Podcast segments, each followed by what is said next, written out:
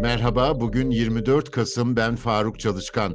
Anadolu Ajansı'nın haftalık Mahreç Dünya podcastını dinliyorsunuz. Latin Amerika'da çok uzun yıllara dayanan bir çatışma dönemini bitirmek için barış müzakereleri yeniden başladı. Kolombiya'dan söz ediyoruz. Ulusal Kurtuluş Ordusu ELN şiddete başvuran bir örgüt ve daha önceki barış pazarlığı 3 yıldır askıdaydı. Bogota'daki Anadolu Ajansı muhabiri Sinan Doğan'a katıldığı için teşekkür ediyorum. Çatışmanın geçmişini anlatır mısın Sinan? Merhabalar Faruk Bey, ben teşekkür ederim. ELN'in ideolojisiyle ilgili öyle kısaca bir bilgi vermek gerekirse, e, Ocak 1965 tarihli Simakota Manifestosunu yayınladı. Yani nedir ELN'in hedefleri? Sosyalist bir devlet kurmak için iktidarın ele geçirilmesi, tarım reformu, ekonomik kalkınma, konut planı, popüler kredi sistemi, yol planı, e eğitim reformu, yerlerin birleşmesi, özgürlük, düşünce, din, bağımsız dış politika, halk ordusu gibi e, ideoloji ideolojik bir e, düşünceyle yola çıktı. Tabii e, kendilerince bir takım o dönem yayınladıkları manifestoda ulusal ve uluslararası sömürü karşısında halkın sosyal ihtiyaçlarının çözümünü teşvik etmek için silahlı mücadelenin kullanılmasını içerir. ELN, e, Kolombiya'nın kanlı bir siyasi çatışma döneminden çıktı, 60'larda ortaya çıktı. E, yani başlangıcından itibaren e, Marksist, Marksist, Lenist perspektifini kurtuluş e, teolojisiyle birleştiren oldukça ideolojik bir örgüt. 20. yüzyılda Katolik Kilisesi'nden ilan edilen değişikliklerden aslında ilham aldı. E, ilk üyelerinden bazıları kiliselerin kilisenin üyeleriydi. Örneğin 1966'da kiliseye girdikten sadece bir yıl sonra ilk savaşta ölen din adamı da Camilo Torres e, Dolayısıyla ELN'in başlangıç e, ideolojisindeki ilan ettiği manifestoyla o günden bugüne kadar çok şey değişti doğrusunu söylemek gerekirse. E, ELN'in etki alanlarından şöyle kısaca bir bahsedeyim. ELN bir, e, bir komutanlar grubunun tüm kararların alındığı dikey bir organizasyon değil. Yani çok daha karmaşık, daha federe bir şeydir. Bu nedenle hangi ELN ile müzakere ettiğiniz aslında net değil. Yani fark gibi merkezi bir hiyerarşisi yok. E, buna rağmen e, Fark'ın barış görüşmelerinde kendi içinde isyan eden binlerce savaşçısı oldu. Yani dolayısıyla Fark'la kurulan e, barış e, e, müzakerelerinden sonra yani Fark'ın kendi kendini feshetmesi e, 2016'da yapılan barış anlaşmasından sonra ELN içerisinde de çok ciddi bir etki hissettirdi. ELN e, ülkenin kuzeybatı, güneybatı ve doğusundaki askeri genişlemenin yanı sıra barış sürecinde hayal kırıklığına uğramış eski Fark savaşçılarının da ELN saflarında yer alması e, açıkçası e, örgüt içerisinde zoraki bir e, duruma e, dönüştü. E, çünkü e, ELN içerisinde savaşan e, kişiler içerisinde yani gruplar içerisinde de bir takım bir görüş anlaşmazlığı var. Yani barış isteyenler, savaş isteyenler. Dolayısıyla müzakere kurmanız daha da zorlaştı bu süre içerisinde. Tabii ELN'de sadece devlet içerisinde bir takım kanlı eylemler gerçekleştirmiyor. Aynı zamanda e, ülkede e, düşman olarak gördüğü uyuşturucu kaçakçılığı ve diğer suç ekonomilerini kontrol etmek amacıyla e, paramiliter gruplar var. E, nedir bunlar? Gaitanista, Öz Savunma Kuvvetleri e, bu örgütlerle çok kanlı çalışmalar, kanlı çatışmalarda bulundu. Aynı aynı süre içerisinde de devlette yani ülkenin çeşitli topraklarında da irili ufaklı eylemler gerçekleştirdi. Özellikle ülkenin batı kısmındaki Çoko en uzun süreli ve en şiddetli çatışma yerlerinden biriydi. E, fark e, barış süreciyle bu bölgeden çekildikten sonra ELN ve diğer e, gruplar arasında bir çatışma bölgesine dönüştü. Çünkü orası koka üretim bölgeleri ve kıyı set noktalarına bağlayan e, uyuşturucu kaçakçı, yasa dışı madencilik rotaları üzerinde çok ciddi bir e, alandır. E, ELN yeni hükümetin müzakere etme istekliliğini test ediyor gibi duruyor. Doğrusu doğrusunu söylemek gerekirse kendisi de sol bir e, e, düşünceden geldiği için e, özellikle de e, e, 29 Haziran'da yapılan ikinci tur seçimlerinde e, sol e, görüşlü Gustavo Petro'nun kazanmış olması ELN için de bir müzakere masası oluşmasına sebebiyet verdi. Çünkü ideolojik olarak e, kendini yeni hükümete yakın hissediyor. 7 Ağustos'ta e, Kolombiya Dev Kolombiya Cumhurbaşkanı Gustavo Petro e, görevi devraldıktan sonra da zaten ELN ile yarım kalan barış müzakerelerini başlatacağını sözünü vermişti. Ve Sinan, şimdi, e, şimdi ben buyurun. Yeni e, Kolombiya'daki yeni hükümetin bu e, süreçten e, neyi amaçladığına dair e, bir şey söyleyebilir miyiz? Onu merak ediyorum. Çünkü yeni devlet başkanı e, sol kanattan geliyor ama karşımızda şiddete başvuran e, Marksist bir örgüt var ve e, hakikaten de benim e, görebildiğim kadarıyla gayet de gaddarlar yani. Hükümet nereye kadar gider, ne verecek, masaya ne sunabilir, e, ne tür beklentileri olabilir sence? Kolombiya'da Cumhurbaşkanlığı seçimini kazanan ve 7 Ağustos'ta görevi devralan sol görüşlü Gustavo Petro iktidara geldiğinde e, FARC ile 2016 barış anlaşmasını uygulamaya çünkü o, orada da bazı problemler var. İkisi birbirine e, çok benzeştiği için e, FARC'tan da örnek vermek gerekiyor bu arada. ELN ile de barış görüşmelerini yapmaya söz vermişti. Bu Petro'nun e, seçimlerden önce verdiği en önemli taahhütlerden biriydi.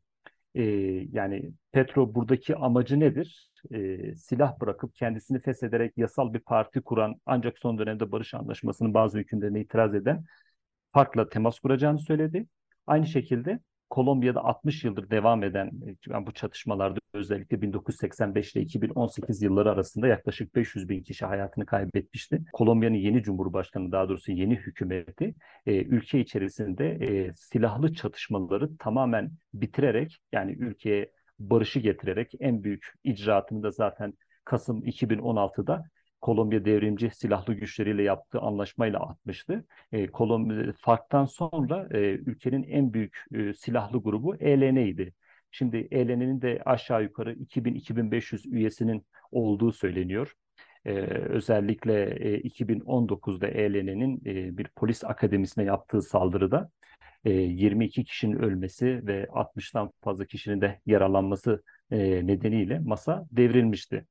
E, dolayısıyla 3 e, yıldır e, görüşmeler yerini savaşa ve operasyonlara bırakmıştı. ELN'nin tam olarak e, devletten beklentileri şimdiye kadar netleşmedi. E, müzakereler henüz başladı. E, yani bundan yaklaşık 3 gün önce e, Venezuela'nın garantörlüğü ve ev sahipliğinde Caracas'ta bir masa kuruldu ve ilk yapılan görüşmede e, ortak bir bildiri yayınlandı. Nedir bu bildiri? Diyalog sürecinin tam bir siyasi ve ahlaki irade ile sürdürülmesi konusunda anlaşmaya varıldı. Müzakere masasından çıkacak somut, acil ve gerekli değişikliklerde adalet ve demokrasiye dayalı barışı inşa etme taahhütü verildi. E, dolayısıyla e, henüz başlamış bir süreci ELN'nin tam olarak beklentileri nelerdir? Devlet içerisinde ne gibi bir e, e, sorumluluk alanı istiyor? Fark gibi bir siyasi partiye dönüşecek mi? Çünkü e, 1960 yılından bugüne kadar ELN içerisindeki yani toplumun toplumdaki tabanı da çok değişti. Yani ELN'nin Kolombiya içerisinde çok büyük bir desteği yok. Öyle eskisi gibi ELN'nin yaptığı e, eylemler, silahlı e, saldırılardan yani toplumsal bir karşılığı yok. Tam tersi çok ciddi eleştiri görüyor. Dolayısıyla ELN'nin toplumsal tabanı e, yok denecek kadar az. Dolayısıyla fark gibi e, çok geniş çaplı bir e, beklenti içerisine girmeleri mümkün olmadığı gibi zaten devletin de e, farka tanıdığı bir takım hakları ELN'ye tanıması mümkün değil. Ama illaki iki tarafı da memnun edecek, ortak bir noktada buluşturacak e, bir takım e, tavizler ve bir takım e, kararlar alınacaktır. Tabii bu e, Venezuela'nın garantörlüğü ve ev sahipliğinde başladı ama daha sonrasında e, Norveç ve Küba'nın e, e, ev sahipliğinde aynı şekilde garantörlüğünde devam edecektir. Dolayısıyla uluslararası bir e,